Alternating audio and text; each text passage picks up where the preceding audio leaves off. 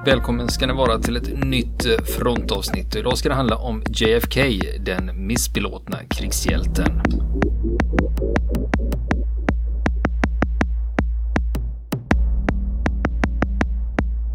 Just det, JFK och Ja, hans... nej, vi, har ju, eh, vi har ju haft en serie här med politiker och presidenter när vi berättar om vad de har för bakgrund. Precis, precis. Vi har Inom- pratat om Mauno Koivisto Ja, och vi har pratat om eh, Fidel Castro, ja, Fidel, Castro, Fidel Castro.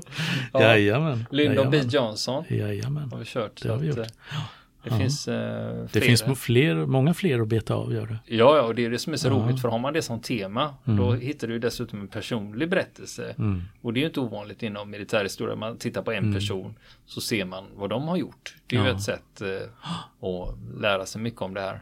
Ja, just det. Och för all del också kan man titta på förband också och se Precis, vad de har precis. gjort. Eller eh, när vi pratar om man in på det. MiG-21 eller eh, någon viss flygplanstyp eller någon speciell typ av vapen. Så det finns flera olika sätt att komma in i det här.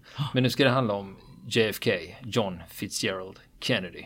Mm. Vad han hade för sig under andra världskriget. Just det. Och det var ju så att han, var ju, han skulle nämligen fyllt 100 år i år. Så pass? Ja, John F Kennedy var född 1917. Aha. Just det, Det är det, har du det rätt var, det var i i. våras som Det han skulle fyllt eh, Ja. 100 år. Då. Han skulle faktiskt kunna varit i livet fortfarande. Ja, Skulle det skulle han teoretiskt kunna. Ja, det stämmer. Ja. Men om vi tar lite av bakgrunden var han kom ifrån. Det var så att hans pappa Joseph Kennedy, han var en extremt framgångsrik affärsman och han tjänade sin förmögenhet på Wall Street och fastighetsaffärer. Men det finns ett extremt segt rykte att Joseph Kennedy höll på med spritsmuggling under förbudstiden. Du har säkert hört talas om det också. Ja. Och att han hade maffiakontakter också. Och det här, men, eh, Det är som de säger, alla förmögenheter börjar med ett brott. som någon, någon har sagt. ja, det låter som, det låter som någon, någon, någon röd idealist Ja, jag tror det, det kommer nog från den anarkistiska sidan. Ja, jag tror det. Då är det röd-svart i sådana fall. Men eh, om man tittar på nutida forskning, de eh, nutida forskare som har tittat på det här sambandet mellan Joseph Kennedy och spritsmuggling, de har inte lyckats hitta några konkreta bevis för att så var fallet och inte heller att han skulle haft några maffiakontakter. Men det finns en teori också kring var uppstod det här? Jo, det var att efter förbudstiden, då var det Joseph Kennedy som fick ensamrätten på att importera Gordons gin till USA. Så han var ju spritleverantör Ja, förvisso, fast då var det ju lagligt då va? just efter det. förbudstiden. Så det kan ha med det att göra. Ja. Men eh, det finns eh, flera mm. mängder med historier om Just det. Joseph Kennedy Ja. och det här. Det finns ju en del historier om Joseph Kennedys roll under kriget. Det kanske du... Ja, den tangeras lite här, men inte särskilt Nej. mycket faktiskt. Eh, Men om vi går tillbaka till John F Kennedy, han föddes Mm. ju 1917 då i Massachusetts. Han var ju näst äldst av nio syskon. Mm. De var ju katoliker. Nu använder jag det som förklaring till att de hade nio barn. ja. Men de var ju nio syskon och det Ja. finns fortfarande en av de här syskonen som är i livet. Hon heter Jean Ann. Hon är född eh, 1928 och hon är 89 år. Mm. Henne hör man inte talas om så mycket. Nej, hon verkar inte ha så hög profil. Men alla andra har dött på ett eller annat sätt, äh, ett eller annat sätt då. Mm. Och eh, den äldste brorsan av de här nio syskonen, han hette Joseph, han kallades för Joe. Då. Det var Joseph Junior. Han omkom 1944 under andra världskriget. Han var med i en operation som hette Afrodite. Och det var ett projekt när man tog en B-17-bombare eller Liberator-bombare och lastade dem med så mycket sprängämnen de kunde bära. Och så hade man ombord två piloter som ser till att planet lyfter och kommer på rätt kurs mot målet. Och så armerar piloterna sprängämnena, startar systemet för fjärrstyrning och det, det är ju radiostyrning då det handlar om. Det. Och så hoppar de ut med fallskärm. Ett annat plan tar kontrollen över bombplanet och så styr man det som, en, en, som en styrd robot mot Just sitt det. mål då. Där den kraschar och exploderar. Ja. Det fanns ju en lik- liknande variant på den tyska sidan. Mm. Vid den här tiden då, som kallas för Mistel. Mm. Där man tog ett tvåmotorigt bombplan och packade fullt med sprängämnen. Och sen hade man svetsat på en ställning på ryggen på det här bombplanet där du monterade ett jaktplan. Där satt piloten som kontrollerade eh, bombplanet då, och som styrde in hela ekipaget mot målet och sen så kopplade man loss bombplanet och så flög jaktpiloten därifrån I sista stund. i då. sista stund. Och jag har sett en av, jag kan ju säga det bara, förlåt att vi gör en utvikning här, men eh, jag har sett resultatet av en av, av de här mistel eh.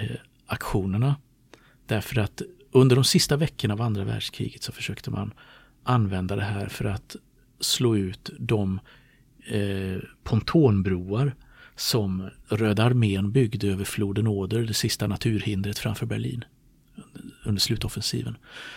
Där försökte man slå ut dem med hjälp av mistelplan då och de missade de flesta av de här. Men ett slog ner nära en stad som heter Kystrin, Kostrin idag, eh, öster om Berlin. Och den kratern finns kvar fortfarande och den är, där får det plats en villa i den, en tvåvåningsvilla i den kratern. Så att eh, det var eh, rejäla saker, rejäl sprängkraft i de här. Mm. Förlåt, det ligger... Men, nej, det är ingen fara, men ja. var det blandad eh, framgång mm. med det här systemet? Ja, det finns inte sådär många exempel på att man faktiskt lyckades. I alla fall inte, man, man lyckades med enstaka insatser men det var ingenting som kunde förändra kriget på något sätt. Inte vid det laget. Nej, Så. precis. Var det. Mm. Jo, för det här Operation Afrodite, om mm. vi går tillbaka till Kennedy-familjen här. Eh, Joe Kennedy då, han är pilot mm. på det första planet som ska genomföra en mm. Afrodite-räd. Och de styr då en Liberator lastad med nästan 10 ton sprängämnen. Och mm. målet det är den tyska ubåtsbasen på Helgoland i Nordsjön. Mm. Och det här är den 12 augusti 1944. Och eh, planet har lyft, de har kopplat in radiostyrningen och de har gjort en kontrollerad fjärrstyrd sväng för att se att mm. eh, tekniken fungerar som det ska. Och de armerar sprängmedlen och avvaktar på att hoppa ut. Och, de ska, och det gör man över eh, brittiskt fastland. Man startar ja. i England och sen eh, hoppar man fallskärm ut över mm. England också. Mm. Men eh, två minuter efter att de har armerat sprängladdningen så smäller det. Mm. Så de hann aldrig hoppa ut. Utan eh, mm. det, det exploderar mm. över eh, engelska fastlandet och de här bägge piloterna omkommer ju omedelbart då. Ja. Och det var ju den första Kennedy-syskonen, mm. syskonet som dog då. 1944. Mm. Sen hade de en syster som heter Rosemary. Och hon hade drabbats av syrebrist vid födseln. Hon var förståndshandikappad. Och idag räknar man med att hon hade en IQ på ungefär 60 till 70. Eh, mm. Och eh, ska man översätta det till åldersnivå då så var hon ungefär som en 8 eller 10-åring. Mm. Men eh, trots det så lyckades hon ta sig igenom skolan även om det var väldigt svårt för henne. Och utåt sett var ju Kennedy den perfekta framgångsrika familjen. Och mm. det var viktigt för dem att vara framgångsrika. Och så var de extremt tävlingsinriktade. Va? Mm. Det är mm. det här amerikanska, number det. one. Det är det Just som det. gäller. Och plötsligt så har du ju någon i familjen som inte platsar då. Va? Så det var ju något man hade svårt att hantera om man försökte. Närmsta ja. familjen visste det, men det var ingenting man pratade om. Eh, hon var, men det var ändå inte så att hon var, fast hon var liksom lite, det var skamligt och lite hemligt. Det var inte så att hon var fastkedjad och inlåst på vinden. Utan hon var ute och deltog i det sociala livet och körde tebjudningar, var på mm. operan och på danser. Men i takt med att hon blir äldre så blir hon mer upprorisk. Eh, hon får mm. utbrott och hon bor på en internatskola och hon smiter ut på nätterna. Och hennes pappa då, Joseph, eh, han blir orolig för att hon ska ställa till med någonting, en skandal mm. eller något liknande. Och han, för de kan inte kontrollera henne heller. Nej. Så, och pappa Josef han tillhör yppersta eliten i landet och, har, och han har ju också politiska ambitioner. Inte Just bara det. för sig själv utan mm. även för sina söner. Just det. Och då var han orolig att Rosemary mm. Hon skulle ställa till Hon skulle ställa till med någonting. Och, men då, då träffar de en läkare och den här läkaren förklarar för Joseph Kennedy att eh, Eh, jag hör, jag hör vad du säger, mm. Eh, som det står i GB-böckerna. Mm, att eh, läkaren säger så här, men vi har ett nytt ingrepp som kan lösa situationen med de här utbrotten och de här plötsliga mm. humörsvängningarna. Och det är, vi använder oss av neurokirurgi, heter mm. det.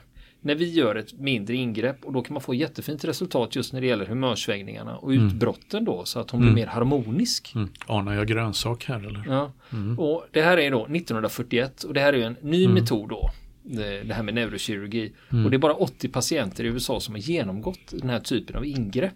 Mm. Och eh, pappa Josef han ser ju att men fan, det här kanske kan vara något då som löser situationen så han eh, accepterar. Och så genomför man det här ingreppet då. Mm. Och det här ingreppet går ut på att man kapar nervbanor mellan frontalloberna mm. i hjärnan. Och det. är alltså lobotomi kallar man ju det här. Mm. Just det. Men som man genomför det här ingreppet på henne, Rosemary, men resultatet blir inte det önskade. För nu kan hon plötsligt inte längre gå eller tala sammanhängande. Nej. För tidigare har hon varit i nivå med en 8 eller 8-10-åring mm. ungefär. Just det. Så man kunde, men nu är hon nere på en tvåårings nivå. Mm. Och det innebär också att resten av livet så får hon bo på en institution. Mm. Eh, Men trots det här ingreppet så lärde hon sig senare att gå och prata någorlunda. Hon hade fortfarande problem med talet och spasmer i ena armen. Men sin far träffade hon aldrig igen. Han avled 1969. Och efter faderns död däremot, då fick hon vara med och släck, träffa släkt i Massachusetts och Florida. Och det, där var med vid flera tillfällen. Och hon levde på institution fram tills hon dog 2005. Eh, och hon dog av ålder. Eh, och när hon dog, då var fyra av hennes syskon närvarande. Och det är en sån här riktigt mörk hemlighet Ja, i visst. Kennedy. Just det. Familjens historia. Som är, den här episoden är väldigt, väldigt känd också. Mm. Ska jag säga. Så att om vi då eh, räknar upp syskonen då. Vi hade ju äldsta brorsan Joe, han dog i explosionen i flygplanet 1944. Mm. Och Rosemary blev lobotomerad. Och sen 1948, Mm. då dör en av deras systrar som heter Kathleen. Hon dog i en flygolycka i Frankrike. Mm. Och sen eh, om vi fortsätter med hemskheterna då. JFK sköts ju ihjäl 63 och eh, Robert Kennedy, lillbrorsan där, han skjuts ju ihjäl 1968. Så av totalt nio syskon så är det fem som dör av naturliga orsaker. De andra två är olyckor då och två blir mördade. Och den här fascinationen för Kennedy-klanen den slutar aldrig fascinera amerikanerna. Nej. Det kommer nya böcker, som det, deras kommer kungafamiljer. tv-serier. Ja. Ja. precis. De är, de är ju deras kungligheter. Mm. Så att eh, det slutar aldrig att fascinera. Nej. Det kommer nya grejer hela tiden. Och sen eh, när det gäller JFK så hade han ju en, även om han bara var president i två år, så hade han ju fortfarande väldigt stor roll under kalla kriget. Just det. Som gör att eh, det var högintressant. Eh, Om man då är, gillar politisk historia eller militärhistoria. Då. Så Och, det och glammet kring familjen också. Liksom. Att Ja, det var liksom det. det. lite, lite aristokratiskt. Ja, liksom, och det här tjusiga glans- och. Jacqueline och Ja, Nassis visst, står med sina klänningar och sånt. Men nu ska vi tillbaka till det vi ska prata om egentligen. Krig. Ja, Ja, det är krig vi ska prata om. precis. Skippa klänningarna och Klippa klänningarna. pärlorna. Det krig och pang pang. Jo, det är så här. Andra världskriget bryter ut. Då är John F Kennedy student och han tycker att USA ska ge sig in i kriget. Men Mm. hans far Joseph, han är av en annan åsikt. Han tycker de ska hålla sig utanför. Mm. Men 1940, det här är innan Pearl Harbor. Just det. Då försöker John F Kennedy komma in på arméns officersutbildning. Men han antas inte av medicinska skäl. För under sin uppväxt har han haft flera olika problem med sin hälsa och legat inne på sjukhus då och då. Mm. I omgångar. Och bland annat för problem med ryggen. Mm. Och det är en sån här återkommande grej. John F Kennedy och hans rygg. Mm. Det är en sån problem som aldrig lämnar honom. Men när, så det var därför han inte var välkommen till armén då. Mm. Och eh, då gör han så att han börjar träna för att stärka upp ryggen. Mm. Och året därpå med sin hjälp av pappas kompis, en gammal marinattaché som numera jobbar inom flottans underrättelsetjänst, så lyckas JFK ta sig in i flottans reserv. Mm. Och, och då hamnar han på flottans underrättelsetjänst i Washington DC. Och sen i november 1941, då är det inte långt kvar till Pearl Harbor, Ja, just det. då började han dejta en dansk journalist som heter Inga Arvad. Men eh, när han börjar dejta henne då blir FBI oroliga. För de har redan koll på Arvad. För de tror hon kan vara tysk spion. Mhm. Mm. Och anledningen till det, det var att hon, hon har kontakter. Hon har jävligt bra kontakter. Ja. För det var, hon hade genom Goebbels fått eh, intervjuer med Hitler. Inte bara en gång utan två eller till och med tre gånger. Och det här var 1935, det var ju väldigt, väldigt tidigt. Och hon var dessutom inbjuden som gäst till Görings bröllop med skådisen Emmy Sonneman 1935. Mm. Just det. Och inte nog med det. Inga Arvad, hon var inbjuden som Hitlers personliga gäst till Berlin-OS 36. Mm. Så det, det är inte så konstigt. när Det är inte sen- orimligt att när hon, de... när hon dyker upp i Washington. Ja. Men hon var alltså inte en politisk hardcore-reporter utan hon var en societetsreporter som skrev om kändisar Mm. och röda mattan och skvaller liksom. Just det. Eh, Men FBI fick ju skrämselhicka när hon började dejta Kennedy. För hon var ju med på, på deras eh, lista då. Mm. Ja. Och i och med att han jobbar på flottans underrättelsetjänst. Så Mm. misstänker man att det kan ju läcka där då, sängvägen. Just det. Eh, Och Inga Arvad, hon var skitsnygg. Eh, Till och med Hitler hade gett henne en komplimang och sagt att hon var ett strålande exempel på nordisk skönhet. Hon hade dessutom vunnit någon skönhetstävling hemma i Danmark när hon var lite yngre. Mm. Och det som händer är att FBI de kontaktar Kennedys chef och säger så här, du vi vill informera om att det finns en eh, potentiell säkerhetsrisk här. Och då blir Kennedy förflyttad till South Carolina i januari Mm. 1942. Och i och med det så ebbar relationen ut då. När, när han sitter i South Carolina och hon är i Washington då. Just det. Men sen eh, hösten 1942 Då anmäler han sig som frivillig till utbildning för motortorpedbåtar. Mm. Och han är kvar i USA ända fram till våren 1943. För då skickas han först till Panama och sen skickas han till Stilla havet. Och då har han hunnit blivit löjtnant eller Lieutenant Junior Grade. Mm. Heter det. Och då är han chef på en motortorpedbåt när han kommer till eh, Stilla havet. Och det här med motortorpedbåtar. Det är alltså ingen liten eka. Den väger Nej. 56 ton. Den är 24 meter lång. Ja. Den har tre stycken 12-cylindriga motorer på 1500 hästkrafter vardera. Det flyttar på sig. Den flyttar på sig. Den gör 41 knop. Och det är 41 knop, det är, för landkrabborna kan vi säga att det är 76 kilometer i timmen. Och, och, och det, det är fort. Men som jämförelse kan jag säga att tyskarna däremot, de hade ju sin S-båt, alltså Mm. Schnellboot. Snällbåt, ja. Schnell betyder ju snabb. Ja. Och den var ännu snabbare, den kunde komma upp i 48 knop. Ja. Så där var tyskarna ännu värre. Och det, det ger lite, li, lite felaktiga associationer många gånger när man talar om motortorpedbåtar, alltså att de skulle vara väldigt små. Men eh, det här var ju inte riktigt stora som jagare var de inte, men de, eller som fregatter, men de kunde vara imponerande storlek på de här. Kunde det Mm. Stora och snabba. Mm. Stora åbäken, precis. Och sen hade man beväpning på de Mm. här motortorpedbåtarna. Eh, fyra torpedtuber hade man Mm. på den. En 20 mm automatkanon i akten och fyra 50 kalibers tunga kulsprutor, M2, alltså ja. Moduse som de kallas. Och de var monterade i par så det var liksom två gånger två. Och de satt midskepps på varsin sida. Och sen i fören så satt en 37 mm pansarvärnskanon. Mm. Och en slipad besättning, de kunde få väga upp till 30 skott per minut med Mm. en sån kanon. Och besättningen då, de var ju, det var en stor båt, så det var tre officerare och 14 man Mm. totalt, inklusive officerarna då. Men eh, just när det gäller antalet på de här båtarna, det varierade Mm. från båt till båt, hur stor besättning det var. Det var liksom på pappret så skulle man ha den Just besättningen. det. Och det var den 23 april 1943 som Kennedy får befälet över motortorpedbåten PT-109. Mm. PT det står för Patrol Torpedo. Mm. Personlig tränare. Nej. Ja, skulle, det- skulle, kunde varit. Och de var baserade på Salomonöarna Ja. i Stilla havet. Och deras uppdrag när Kennedy kommer dit, det är att störa den japanska trafiken i området. Och framförallt är det att ge sig på fraktfartyg som försörjer öar som var ockuperade av japanerna. För bland Salomonöarna så var det flera stora öar som fortfarande var ockuperade av japanerna. Man hade inte lyckats köra bort dem Ja, visst. vid det laget. Och den 1 augusti 1943 då attackeras deras bas av 18 japanska bombplan och då förstörs två motortorpedbåtar. Och i samband med det så har flottan fått underrättelser om att fem japanska jagare de ska samma natt bege sig till en av öarna i området och, och lämna förstärkningar och eh, eh, förnödenheter. Så Kennedys båt och 14 andra, de, är beväp- de ska genskjuta de här fem jagarna. Och de är beväpnade med 60 torpeder och ger sig av norrut för att genomskjuta jagarna. Och de får syn på de här jagarna i mörkret när de kommer. Och de avfyrar totalt 30 torpeder. Inte en enda träffar.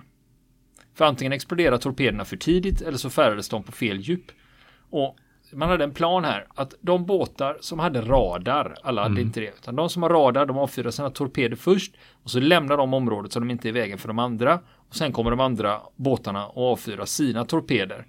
Och då är du kvar båtar i området som saknar radar. En av de båtarna som inte har radar det är Kennedys båt PT 109. Och sen åker större delen av eh, den här flottan tillbaka. Men, eh, men Kennedys båt och två andra lämnades kvar på patrull då ifall jagarna dyker upp igen. Så de ska hålla utkik där. Så de puttrar på tomgång för att undvika svallvågor. Eh, för då kunde de upptäckas av japanskt flyg. Så de puttrar fram där. Och nu är klockan två på natten. Och den här natten så är det 13 man som tjänstgör ombord på PT 109. Och plötsligt i mörkret så dyker en japansk jagare upp på nära håll.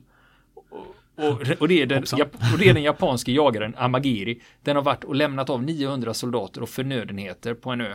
Och är nu på väg tillbaka till basen. Och jagaren kör fort. I, alla fall över 30, I alla fall över 23 knop.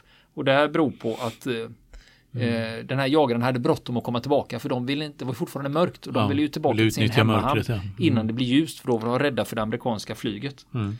Men Kennedys besättning, de upptäcker jagaren bara 10 sekunder innan de blir rammade. Mm. Och de har alltså inte en chans att komma mm. undan och flytta på sig eller hinna avlossa några skott eller någonting.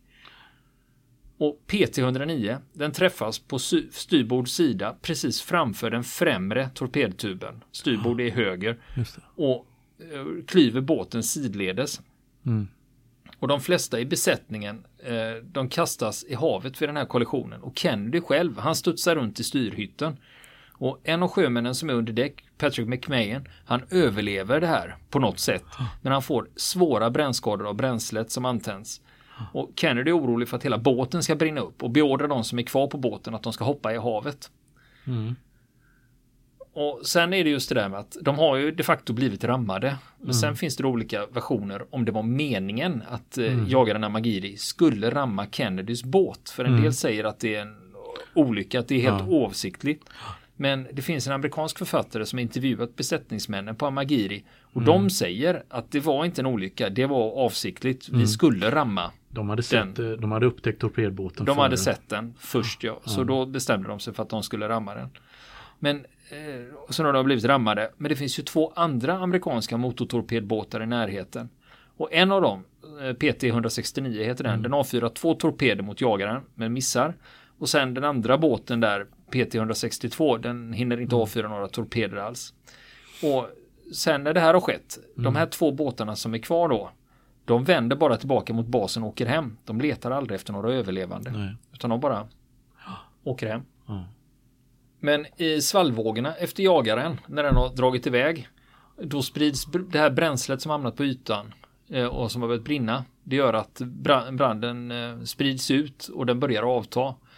Och istället så ger Kennedy orden eh, till två besättningsmän ombord att hålla utkik efter de som har hamnat i vattnet. Mm. Och av dem i vattnet så lyckas fyra tas tillbaka till vraket för egen maskin. Och Kennedy själv simmar ut till två av de skadade besättningsmännen. För mm. de kunde inte tas tillbaka till vraket. Så han boxerar dit dem till vraket istället. Ja, Men två besättningsmän saknas och mm. man vet inte, man tror att de har dött i, precis i kollisionsögonblicket då. Mm. Och de var ju 13 stycken, då är det 11 kvar. Och av dem så är flera skadade. Och flera mår dåligt för de har andats in bensinånger. Så mm. de är liksom sjuka av det då. Ja, Nerförräkning liksom. Ja, och själva bogen från mm. Kennedys båt, den flyter fortfarande, även om mm. den tar in vatten. Och de ser inga andra fartyg och de vågar inte skicka upp nödraketer för då riskerar mm. de att bli upptäckta av japanerna. För öarna runt omkring dem är ockuperade ja. av japanska trupper. Just det. Och den här bogen som de eh, klamrar sig fast på, så småningom kapsejsar den och de hänger fast vid den medan den driver söderut genom ett sund mellan två större öar. Och på de här två stora öarna i närheten där mm. vet de att det finns japanska baser så det är ingen idé att försöka simma dit. Nej, för då blir de gripna av japanerna och det är inget de vill Nej. uppleva. Just det. Men de klamrar fast vid den här bogen i 12 timmar medan de driver söderut. Och sen efter 12 timmar, då klockan mm. två på eftermiddagen, då bestämmer de sig för att försöka ta sig till en liten öde ö i närheten. Mm. Så då tänkte de, då har vi större chanser att överleva där. Och när man säger att den var i närheten, det är inte så jättenära för det var fem och en halv kilometer dit. Mm. Och nu var det lite si och så eh, bland sim, med simkunnigheten bland besättningen för två av dem kunde inte simma alls. Då är det ju naturligt att man eh, gör sin militärtjänst i flottan. Men det var, alltså man får ju inte glömma att på 40-talet det här med simkunnighet det överlag. Allmänt, det var, även i Sverige var det dåligt ja. Eh, vid den här tiden. Så Precis. det var inget ovanligt med att svenska sjömän inte kunde simma Nej, heller. Så det var inget konstigt med det. Men de här två som inte kunde simma, de fick hålla sig i en planka som boxerades av sju andra. Och sen har man ju en, också en man med sig som är svårt brännskadad, McMahon. Och uh, han har ju svårt att ta sig någonstans överhuvudtaget. Så de fäster ett bälte runt honom och så ska Kennedy boxera honom. Och då sätter Kennedy bältet mellan tänderna och simmar. Mm. Och nu kanske det verkar lite tufft att boxera någon 5,5 kilometer på det här viset. Men Kennedy, han hade tillhört Harvards simmarlag och var en väldigt, väldigt bra simmare. Ja. Så han var inte så oroad för det här med att simma 5,5 kilometer liksom. Det är sånt man gör. Ja. Och, och, så de sätter igång och simma. Och om man nu tänker sig att det, hur lång tid tar det att simma? Jag har faktiskt på Google Maps mätt upp avståndet och det är 5,6 kilometer. Och då är det hur lång tid tar det att simma 5,6 kilometer? Om du har, du har skadade och Speciellt när du har någon på släp också. I, mellan tänderna. Ja. Och är du icke simkunniga på en bräda. Ja. Jo, det tog fyra timmar att ta sig de här 5,5 kilometrarna. Men de var tur för de slapp hajar och krokodiler. För det ja. fanns tydligen i området då. Och nästa vecka fortsätter vi historien om JFK, den missnöjde krigshjälten.